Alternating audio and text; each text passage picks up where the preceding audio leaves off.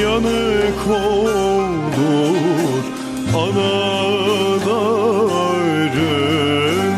yüreği.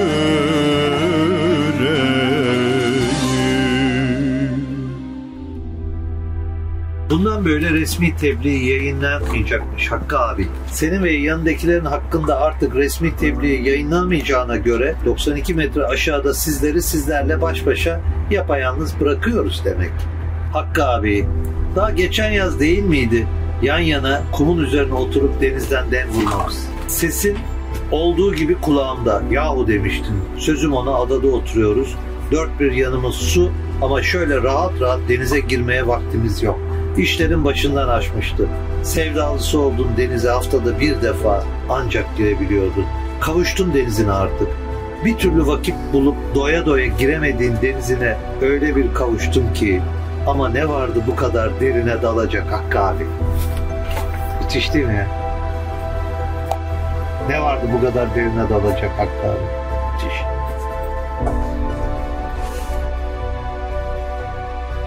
Türk denizaltıcılık ve Türk denizcilik tarihinin en hazin, en trajik olaylarından söz konusu bir denizaltıyı konuşuyoruz. Dumlu Pınar.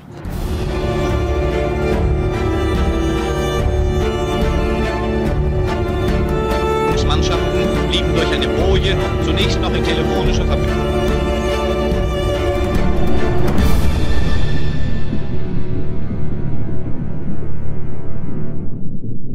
derin yaralar, derin izler bırakmış bir olay. Ve düşünün ki şu an hala Naraburnu'nun kabaca 2000 yarda denizin dibinde 90 küsur metrede yatan bir denizaltıdan bahsediyoruz. Ve 81 şehidimiz de. Denizaltıcılar onlar için hala nöbette derler. Ben de bu cümleyi söyleyeyim. Hala Mavi Vatan nöbetinde onlar. Ee, söyleşimizin başında bunu belirttim. Hepsine e, Allah'tan rahmet diliyorum. Şimdi gemimiz esasında 23 Nisan 1943'te denizde buluşmuş, denize indirilmiş. USS Blower isimli fleet tipi bir denizaltı. 1500 tonluk. Tam de, derine e, indiğinde yani su aldığında 2500 tona çıkıyor. Suyun altında 9 mil sürat yapabilen, e, suyun üstünde de 21 mil deniz mili sürat yapabilen bir denizaltı. Talihsiz şöyle ki Amerikan Bahriyesi'ndeyken de 1950'ye kadar Pasifik filosuna görev yapıyor. Bir kere Hawaii'de bir kere de Avustralya'da maalesef bu kazaya neden olan Nabolant'la çarpıştığı yerden iki kere yine çarpışıyor. Çok ilginç yani gemilerin böyle kendine az e, hikayeleri vardır. Ama Dumlupınar'da üst üste aynı yerden üç kere kazaya uğramak çok ilginç. Bunu baştan belirteyim. E, fleet type demiştim yani donanma tipi bir denizaltı. Daha sonra 1950'de tadilat geçiriyor. E, yapısı değiştiriliyor. Takım e, yenilikler getiriliyor. Balao sınıfı bir denizaltıya dönüşüyor. Daha sonra e, Amerikan donanmasında e, 1950'ye kadar e, 3 Mart 1950'de tadilat görmüştü.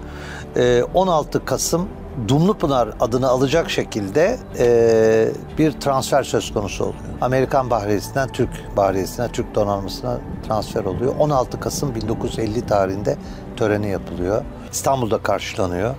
E, bu tabii önemli bir hadise. Tek başına Atlantik'i geçen tarihte de ilk Türk denizaltısı oluyorlar. Daha sonra görevine Gölcük'teki Denizaltı Filosu Komutanlığı emrinde devam ediyor.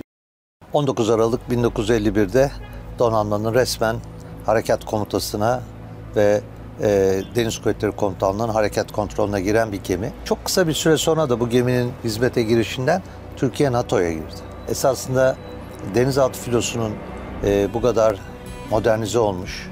Düşünebiliyor musunuz? Amerikan donanmasında Pasifik filosundayken Atlantik'e devrediliyor ve gemi büyük bir tadilat geçiriyor.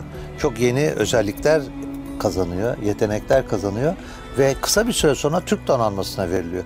Tabii bunu sorgulamamız lazım. Neden diye. Montreux Türk Boğazları Sözleşmesi'ne göre biliyorsunuz yabancı denizaltılar Karadeniz'e çıkamaz. Amerikan denizaltıları çıkamaz. O yüzden o zaman NATO üyeliğine aday olan Türkiye, Kore'de biliyorsunuz meclisin onayı bile olmadan e, Tugay'ımız gönderilmiş. E, pek çok şehit vermişiz. Ve Türkiye orada Amerikan tümenini kurtarmış. Dolayısıyla çok iyi bir şöhreti var. Bu şöhret altında Amerikan Savunma Bakanlığı ve Pentagon Türkiye'nin kesinlikle NATO'ya alınmasını istiyor. Halbuki o dönemde Dışişleri Bakanlığı istemiyor. Bunu hatırlarsanız. Fakat Karadeniz'de Sovyetleri güneyden kuşatmak için de Türk donanmasının çok güçlü dona- e, denizaltılara sahip olması isteniyor. Yani Amerika bizi çok sevdiği için bu denizaltıları vermedi. Onu vurgulamak istiyorum. Kendi çıkarlarına olduğu için verdi. Kendisi çıkamıyordu. Vekilini çıkartmak istedi. Ve o yüzden Türk denizaltı filosuna o dönem için yeni sayılacak bu tip denizaltıları verdi. 52'de randevu tatbikatı oluyor Ege ve Akdeniz'de. Dumlupınar gemimiz komutanı Sabri Çelebioğlu liderliğinde bu tatbikata katılıyor. Bu tatbikattan geliyorlar. Tam artık uzun bir tatbikat. Ailelerine kavuşacaklar iken diyorlar ki kusura bakmayın en yeni denizaltı sizsiniz. Yeni bir tatbikat var. Amerikan donanması Kuzey Ege'de su üstü gemilerinin denizaltı savunma harbi taktiklerini denemek istiyor Kuzey Ege'de. Sizi tekrardan biz tatbikata yolluyoruz diyorlar ve e, Blue Sea, Mavi Deniz tatbikatına kalkıyorlar. Ne zaman? iki gün kalıp demek ki Mart'ın son günlerinde Gölcük'e geliyorlar. Ailelerine merhaba diyorlar. Bu çok acıklı bir şey tabii yani. E, helalleşiyorlar diyelim. Çünkü her denizaltçı bir seyre gitmeden evvel vedalaşır, helalleşir. Ve kalkıyorlar. Blue Sea tatbikatına katılıyorlar. Bu tatbikat e, ne zaman bitiyor? 3 Nisan saat 17.30'da bu tatbikat bitiyor ve denizaltımız Dumlupınar satıh yapıyor. Satıh yapmak dalmış bir denizaltının tekrardan su üstüne çıkarak atmosferle, gün ışığıyla, su üstüyle buluşması demektir. Dumlupınar'ın Mavi Deniz Blue Sea tatbikatından satıh yaptığı anlarda Naboland gemisi Karaköy'den, Salı Pazarı'ndan 600 tonluk bir yükü alarak Pire Limanı'na gitmek üzere hareket ediyor. Bakın kader ağlarını örüyor. Yani tatbikat bir gün uzasa veya 10 saat uzasa, 5 saat uzasa bu buluşma olmayacak.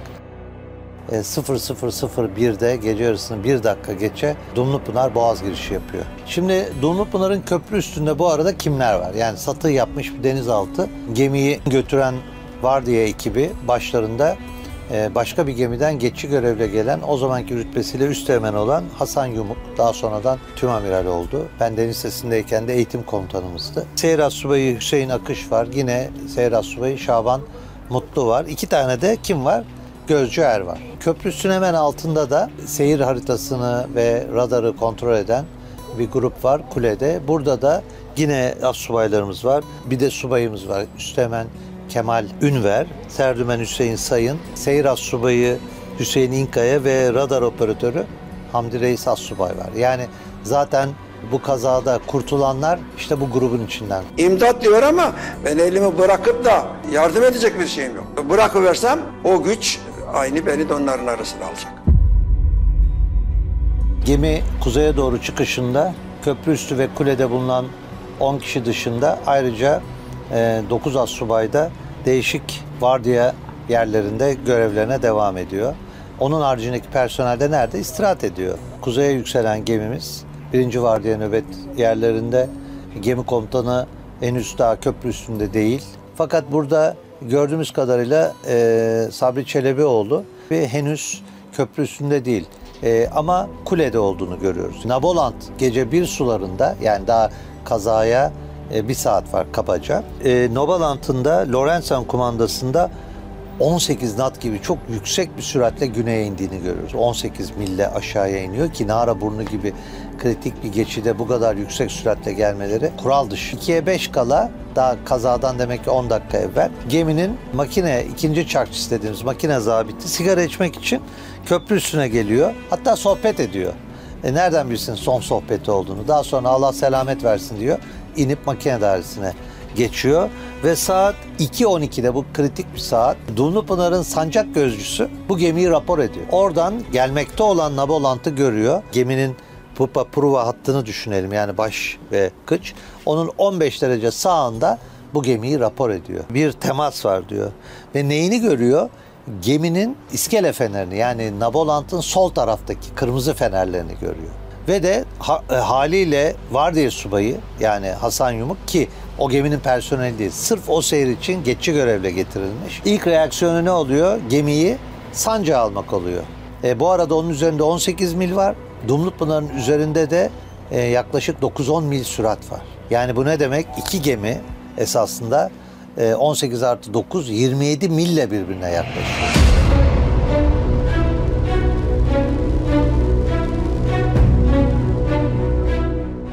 Hasan Yumuk bu teması görür görmez gemiyi sancağa alıyor. Niye? Her zaman için açık deniz tarafından gelen bir gemi üstünüze doğru geliyorsa siz karaya doğru kendinizi atarsanız o gemi karaya oturmak istemediği için açığınızdan geçecektir. Bu muhakemeyi yapıyor ve gemiyi sancağa alıyor. Tabii ki Birinci Dünya Savaşı'ndan kalma batıkların olması ve karanın orada olması nedeniyle gemi komutanı da yukarıya fırlıyor. Sancağa dönen gemiyi durduruyor. Hayır diyor. iskeleye döneceğiz diyor ve kumanda bende diyerek Hasan Yumuk'tan kumandayı alarak e, gemiyi kontur manevra dediğimiz yani sancak makine ileri, iskele makine yani sol makine tornistan geri çalışır ve iskele albanda ile gemiyi keskin bir şekilde tekrardan Asya sahiline kafasını provasını verecek şekilde manevra yapıyor. Tabii zaten Dumlupınar'ın kaderinin belirlendiği an bu an. 27 mil gibi çok yüksek bir süratle birbirlerine geldikleri için, üst, üst, üstlerine geldikleri için burada artık kaçış çok zor ve bunu görüyor. Gemiyi geçemeyeceğini düşünüyor. Tornistan veriyor bu sefer. Yani trafikten örnek vereyim. Bir manevra yapıyorsunuz. Üzerinize bir araba geliyor. Onu siz geçebileceğinizi düşünerek sola kıvırıyorsunuz arabanızı ve üstünüze geldiğini görüp tekrar geri vitese takıp tam gaz yapıyorsunuz geri çıkmak için ama yetmiyor. İşte gemiyi sancak başomuzlukta kabaca 92 metrelik bir geminin kabaca 25-30 metresinden bu büyük gemi ne yapıyor? Altına alıyor, sürüklüyor ve 1-2 dakika içerisinde 92 metrelik gemi başlayarak 93 metrelik derinlikteki denizin dibine gidiyor. İşin özü bu. 10 saniye evvel çatmadan alarma basılıyor. Fakat 8 kişi bu sadmeyle suya düşüyor. Bu 8 kişiden de e, daha sonra 5 kişi biliyorsunuz kurtuluyor. E, kurtulanlardan birisi de e, gemi komutanı. En önemlisi daha sonradan ismini çok duyacağımız Selami Özben ve Cemal Kaya isimli e, manevra dairesindeki iki assubayımız var. Bunlar 20 eri alarak e, kıç torpido dairesinde kendilerini kurtarıyorlar. Diğerlerinin hepsi daha ilk dakikalarda su yutarak, boğularak maalesef şehit düşüyorlar. Ama bu personel, iki asubay ve 20 er bir adet çok zayıf bir el feneriyle kıç torpido dairesine gidiyorlar.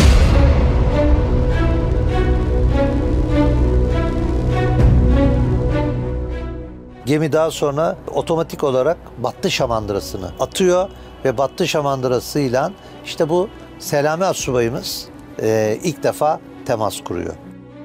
Tabii geminin battığı yerin hidrografik özellikleri de çok önemli. Belki de dünya haritasında bir geminin, bir denizaltı gemisinin batabileceği en kötü yerde battı kurtarma operasyonları açısından. Çünkü çok akıntı var. Yani 25 metreye kadar veya 30 metreye kadar 5 natlık bir batı akıntısı var. Daha sonra 30 ile 50 metre arasında da kuzeye doğru bir akıntı var. Diyelim ki 92 metreye bir dalgıç indireceksiniz. Burada dalgıçı indirebilmek için neredeyse iki katı hortum veriyorsunuz. Niye? Bu akıntılar nedeniyle savrulma çok oluyor.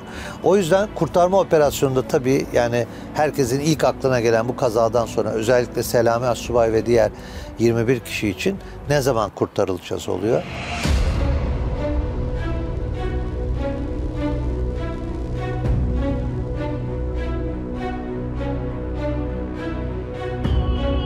Kaza 2.15'te oluyor ve daha duyulması e, tabii bayağı bir geç oluyor. Bu sadmeden sonra tabii denize savrulan kişiler var. Bunların içerisinde 5 kişi ancak 8 kişiden 5 kişi kurtulabiliyor. E, gemi komutanı, diğer gemiden gelen ve son vardiyayı tutan Hasan Yumuk üsteğmenimiz, e, seyir subayı Kemal Ünver, as subaylar Hüseyin İnkaya, Hüseyin Akış. İşte bu 5 kişi. Onun haricinde tabii ki suya düşenler var. Mesela gözcüler var e, Veysel Saygılı'yla Enver Uçar maalesef pervaneye çarpıyorlar. Radar subayımız Şaban Mutlu da bu da maalesef çarpıyor Nabolant'ın pervanesine şehit düşüyorlar. Ve çok ilginç bakın 2.15'te bu kaza oluyor. 2.45'te tatbikatta olan diğer denizaltı birinci İnönü bu bölgeden geçiyor. Yani orada bu karmaşayı yani neticede nabolantı görüyor ama tabii ki o dönemde bir muhabereleri yok, bir bilgi akışı yok. Herhalde diyor gemide bir arıza çıktı. Halbuki gemi sirenler çalıyor, ışıklar yakıyor, can simitleri atıyor, filikalarını indiriyor. Ama bu gemi oradan e, farkında olmadan geçiyor. Tam yarım saat. Yani 2.15-2.45. Çok ilginç. 4 Nisan şartları deniz esasında bayağı soğuk. E, gemi komutanını Nabolant'ın filikası kazadan bir buçuk saat sonra kurt- kurtarıyor. 3.35'te kurtarıyor. E, ve Türkiye'nin haberi bu kazadan yani Denizaltı Filosu Komutanı sonradan Cumhurbaşkanımız olan e, Fahri Korutürk biliyorsunuz. O zaman Tuamiral Denizaltı Filosu Komutanı saat 4.30'da haberi oluyor. Yani kazadan 2 saat 15 dakika sonra. Blue Sea tatbikatında görev alan kurtaran gemisi de daha Bahriye'ye yeni katılmış. Yeni yeni kurtarma çanı dediğimiz sistemle denizaltı kurtarma tatbikatları yapıyor. Bu da Gölcük'e intikaldeyken telsiz gidiyor ki diyorlar denizaltımız Dumlupınar battı derhal geriye dön diyor. O da e, Bozburun açıklarından dönüyor ve e, Çanakkale'ye yol veriyor. Sabah ilk defa 6'yı çeyrek geçe balıkçılar buluyor sualtı telefonunun da olduğu kurtarma şamandırasını. Savcılığa haber veriliyor. Nabolant tabii ki gemiyle çarpıştıktan sonra bunun bir denizaltı olduğunu anlıyor. Yani kurtardığı personelden ve e, telsiz mesajı çekiyor. Fakat buna rağmen dediğim gibi e, o dönemin iletişim şartları göz önüne alındığında haberler geç e, ulaşıyor. Nabolant'ın filikasının kurtardıklarının haricinde o dönem sesleri duyup kaza yerine gelen gümrük motoru da var Çanakkale'den. Onlar da e, Hasan Yumuk ve diğer kişiyi de onlar alıyor. E, dolayısıyla bir bilgi akışı başlıyor. Şamandıra etrafında nöbet tesis ediyorlar. Neden? Gelen geçen olur da Şamandıra koparsa diye e, bunu emniyete aldırıyorlar. Ve e, Korutürk o dönemki filo komutanında Gölcük'ten sabah 7'de hareket ediyor. Bu arada tabii kurtaran tam yol Çanakkale'ye doğru geliyor. Ama saat ilk buluşma tabii ki birinci İnönü demiştim ya biraz sonra geçmişti. Ona haber verilince birinci İnönü derhal geriye dönüyor ve e, Battı Şamandırası'nın yakında demirleyerek hemen oradaki bir vasıtayla e, o geminin bir subayı olan e, Üsteğmen Suat Tezcan botla Battı Şamandırası'na gidip telefonu alıyor. İşte aşağıda 92 metrede bulunan Selami Assubay ve 22 kişi toplamda yukarıdaki hayatla ilk temas işte bu telefon sayesinde oluyor. Selami manometre diyor 267 kademi gösteriyor diyor. Yani işte kabaca 90 metre civarında 270-90 metre. Doğru mu diye sor, soruyor. İşte hemen Suat Tezcan da moral bozmamak için hiç merak etmeyin kurtaran geliyor diyor. Çünkü kurtaran o dönemin efsane gemisi. Niye? Daha yeni gelmiş. E, denizaltı kurtaran bir gemi. Çanı var. Tatbikatlar yapmış. Adada yapmış. Tuzlu açıklarında yapmış. Ve denizaltıcıların en güvendiği şey tabii ki o şey e, gemi. Onun verdiği moralin çok yüksek olduğunu hiç bahsetmiyor yani siz 90 metredesiniz şu oldu bu oldu demiyor. Birinci İnönü'nün komutanı da derhal diyor battı şamandırası koparsa diye hemen ekstradan iki tane oraya şamandır attırıyor.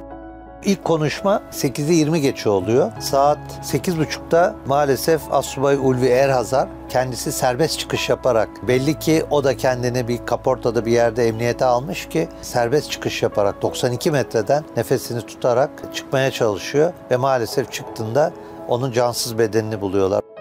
Dumlupınar'dan kurtulanların gemide alkol aldığı e, dedikodusu da çıkarıldı. Bunu maalesef ülkemizde Atatürk'ten, Cumhuriyet'ten nefret eden büyük bir grup var. Bu grubun uydurmasıdır. Şöyle oluyor onu da söyleyelim. Bu gerçektir. Bu uydurmayı yapanlar 8-9 derecelik bir suda kalan bir insanın hele hele 1-2 saat kalan bir insanın nasıl üşüdüğünü herhalde denememişlerdir. Bunlar tabii çıkınca sudan 2 saat, 1,5-2 saatlik bir e, suda mücadele ve canlı kalma mücadelesinden sonra gümrük motoru alıyor. Gümrük motorunda da e, ısınsınlar diye hep böyledir biliyorsunuz. Yani geleneksel olarak soğuktan çıkan birine denizcilikte mesela İngiliz donanmasında olsun, diğer donanmasında rom verilir, viski verilir. Niye? Bunlar yüksek alkollüdür. E, içtiğinizde hemen hızlı enerji verir ve çok hızlı kana karışır ve sizi en azından hipotermiyadan korur. Onlar da diyorlar gemide bir alkol var mı? Yani bizim e, hipotermiyaya karşı bir önlem almamız lazım. Gemide de rakı varmış e, teknede, gümrük motorunda. Bunlara rakı veriyorlar. Bunlar da tabii o ısı, enerjiyi bir an evvel almak için içince limana çıktıklarında biri istifra ediyor. O zaman rakının kokusu çıkıyor ve derhal diyorlar ki bunlar sarhoştu diye.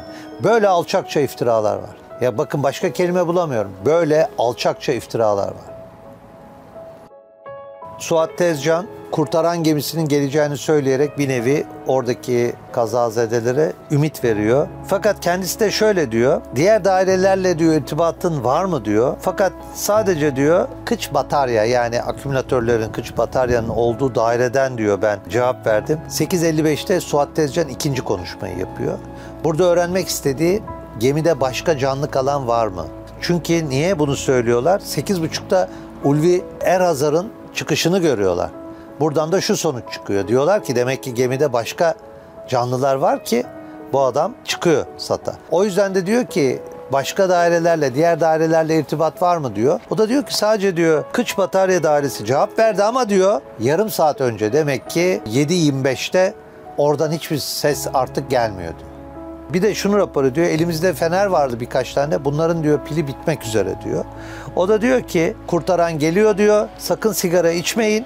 Uyumayın ve size esasında 72 saat yetecek oksijen var diyor. Ve bu esasında son konuşma oluyor.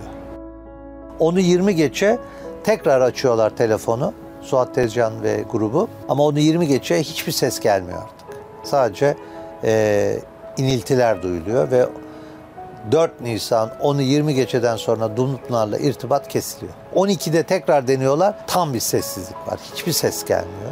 Hiç yarım saat sonra da kurtaran geliyor.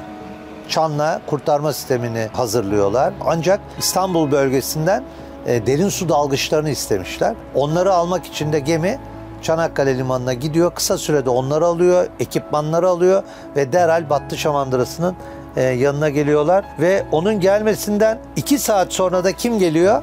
14.30'da Denizaltı Filosu Komutanı yani Fahri Korutürk Amiral geliyor ve diyor ki artık diyor şu andan itibaren arama kurtarma komutanı bölgede benim diyor. Oradaki bütün gemileri, bütün gayretleri kendi komutasına alıyor. 4 Nisan saat 15'te 13 saat sonra ilk defa geminin etrafına 350 yarda içerisine büyük bir şamandıra atılıyor ve artık kurtarma operasyonu için kurtaranın sabitlenmesi. Niye?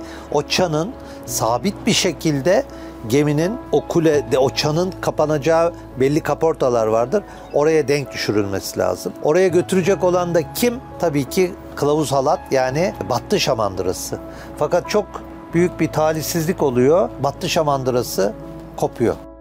4 Nisan maalesef herhangi bir başarı elde edilemeden bitiyor ve 5 Nisan'a geçiyoruz. Bundan sonra olay gemiye erişmek üzerine. Gemiye e, erişmek için de saat 5'i 16 geçe kazadan tam 26 saat sonra ilk dalgıç suya iniyor. Assubay Adil Çorbacı 50 metreye indiğinde o kadar şiddetli bir akıntıyla karşılaşıyor ki geri dönüyor. Daha sonra ikinci dalgıç Recep Çomçom helyum destekli bir dalışa başlıyor. O da 50 metreye indiğinde feci bir şekilde sürükleniyor. Onu da gemiye alıyorlar. Saat sabah 8.40'da 3. dalış gerçekleşiyor. Nurettin Ersoy bu dalgıç ilk defa denizin dibine inmeyi başarıyor. İlk defa. Fakat denizaltıyı gördüğünü söylüyor. Ama o kadar çamurlu ki dip yürüyemiyor ve üzerinde zaten korkunç bir basınç var. Ve o da yukarıya çekiliyor ve 15 saat düşünün dekompresyon e, odasında tazik odasında tutularak hayata döndürülüyor. Yoksa o da e, vefat edecek. Kabaca 92 metrede 20 tona yakın yük var. Ve düşünün 92 metreye inmek için iki katı hortum salınıyor. Niye? Kıntı savuruyor. Bir şeyler yapabilmek için bahriye çırpınıyor. Mesela kurtaran gemisindeki e, gemi komutanının bir gecede yaşlandığı söylenir. Saçlarının beyazlandığı söylenir. Yani bunlar çok ilginç hikayeler, e, olaylar yaşanıyor orada. Ve neticede geminin normalde bulunması gereken 72 saatlik karbondioksit temizleme sistemi 7 Nisan günü saat 2.15'te yani tam 72 saat sonra bittiği farz ve kabul ediliyor. Yani çünkü siz e, bu sistemin çalıştığını bir farazi olarak kabul etmek durumundasınız. Maalesef o günde bir buluşma olmayınca saat 7 Nisan 15'te Faruk Korutürk Amiral'in liderliğinde Başaran TCG Başaran Denizaltı Destek Gemisi'nde çok hazin bir tören yapılıyor. Orada Faruk Korutürk'ün çok hüzün verici bir konuşması vardır. Olağanüstü güzel bir konuşmadır. Ee, tabii denize çiçekler atılıyor, çelenkler atılıyor ama maalesef 5 kişi haricinde kurtulan yok. 81 tane şehidimizi Nara'nın 92 metresine emanet ediyoruz. 7 Nisan'da bu tören yapılıyor ama yine de bırakmıyorlar. 10 Nisan'da son bir dalış yapılıyor. Saat 9.53'te 11. dalış ve ondan sonra e, Faruk Korutürk'ün emriyle kurtarma operasyonu bitiyor ve o günden bugüne e, Dumlupınar e, 81 şehidimiz de orada yatıyor. Yani bundan sonra inişler olmadı mı oldu. Vedat Dora isminde efsane bir dalgıcımız vardı. Meşhur Dora asansörüyle 1958 yılında dağıldı. Geminin görüntüleri o, dönemde elde edildi. Hatta bir tane dalga çiçek tarlasına benziyordu dedi. Çok üzeri e, deniz canlılarıyla mercan gibi kaplanmış. Bu tip ifadeleri de okuduğum pek çok yerde. Zaman zaman Dumlupınar'ın e, çıkarılması söz konusu oldu. Ama e, ben şahsi görüşümü söyleyeyim. Bu tip gemiler artık sonsuzluğa uzanan istirahatgahtır. Yani mabettir. Mabet içinde e, şehit olan, vefat etmiş gemiler dünya tarihinde de öyledir. Çıkarılmaz. Onlar artık mabettir. Daha sonra gemi komutanının ciddi olarak suçlanıp e, ve e, bir yıl 8 aylık bir hapis cezası alıyor biliyorsunuz. Temizden sonra alıyor. İlk davada e, esasında beraat ediyor. Fakat daha sonra temize gidiyor dava. E, yeni heyet e, komutanı suçlu buluyor. En çok eleştirilen yani günümüzde de benim de e, zaman zaman bu konuda çok okuma yaptım. Çok kişiyle de konuştum. E, normalde günümüzde bahriye gemileri Çanakkale Boğazı'ndan girdiği andan itibaren gemi komutanı e, dar sularda seyir dediğimiz tehlikeli sular olduğu için seyir tehlikesi, trafik tehlikesi köprü üstünde olur. Burada gemi komutanının köprü üstüne e, son anda geldiğini görüyoruz. Ve zaten en ciddi suçlamalar kendisine bu yönde yapıldı. Bir de e, tabii ki gemi e, bir boğaza girdiğinde e, her türlü çarpışmaya, çatmaya hazırlık yapması gerekir. E, geminin bu e, kazada pek çok bölmesinin açık olduğunu görüyoruz. Yani bir yerden su aldığı zaman bütün e, denizaltı bir anda e, suyla doluyor ve yüzebilme özelliğini kaybediyor. E, bu zaten gemi komutanının e, mahkumiyet kararında önemli o, rol oynayan e, faktörlerden biriydi. Bu durumda gemi kaderine doğru ilerliyor. Tabii Dumlupınar faciası, kazası e, deniz kuvvetlerinde o dönem e, sadece deniz kuvvetlerine bütün Türkiye'de büyük bir hem sempati hem büyük bir acı hem bir hüzün yaratıyor. Yani 81 kişinin ailesi, hayatlar. Tabii burada benim en çok dikkatimi çeken Komodor Hakkı Burak olmuştu. Deniz Kurmay Albay Hakkı Burak. Nasıl bir kader ki kendisi 1929 Deniz Harp Okulu mezunu. O sınıftan zaten çok az sayıda deniz subayı çıkmış ve sınıfın iki tane deniz alçısı var 29 mezunlarının. Biri Hakkı Burak, diğeri de Ahmet Muhtar Törün. Düşünebiliyor musunuz? İkisi de Heybeli Adalı. İkisi de Bahriye Mektubu 1929 mezunu. Biri Atılay'da başçakçı olarak 14 Temmuz 42'de şehit düşüyor. 11 yıl sonra en yakın arkadaşı yine Adalı Hakkı Burak da Dumlupınar'da şehit düşüyor. Biri Çanakkale Boğazı yaklaşma sularının diplerinde, diğeri Naraburnu'nun diplerinde. İki tane Hebeli adalı. Dumlupınar e, gemisi adını 72 yılında yine Amerika'dan alınan e, bir denizaltıya verdi. Fakat bu gemide 1 Eylül 76'da e, yine Çanakkale Boğazı bu sefer kuzeyinde Zincirbozan mevkinde bir Sovyet ticaret gemisiyle bir çatışma durumunu önlemek için hafifçe karaya oturdu ve ama çatışmayı da önledi. Gemi batmadı. Ve e, bu sefer tabii ki psikolojik etki olmasın diye bir daha Dumlupınar ismi hiçbir gemiye verilmedi.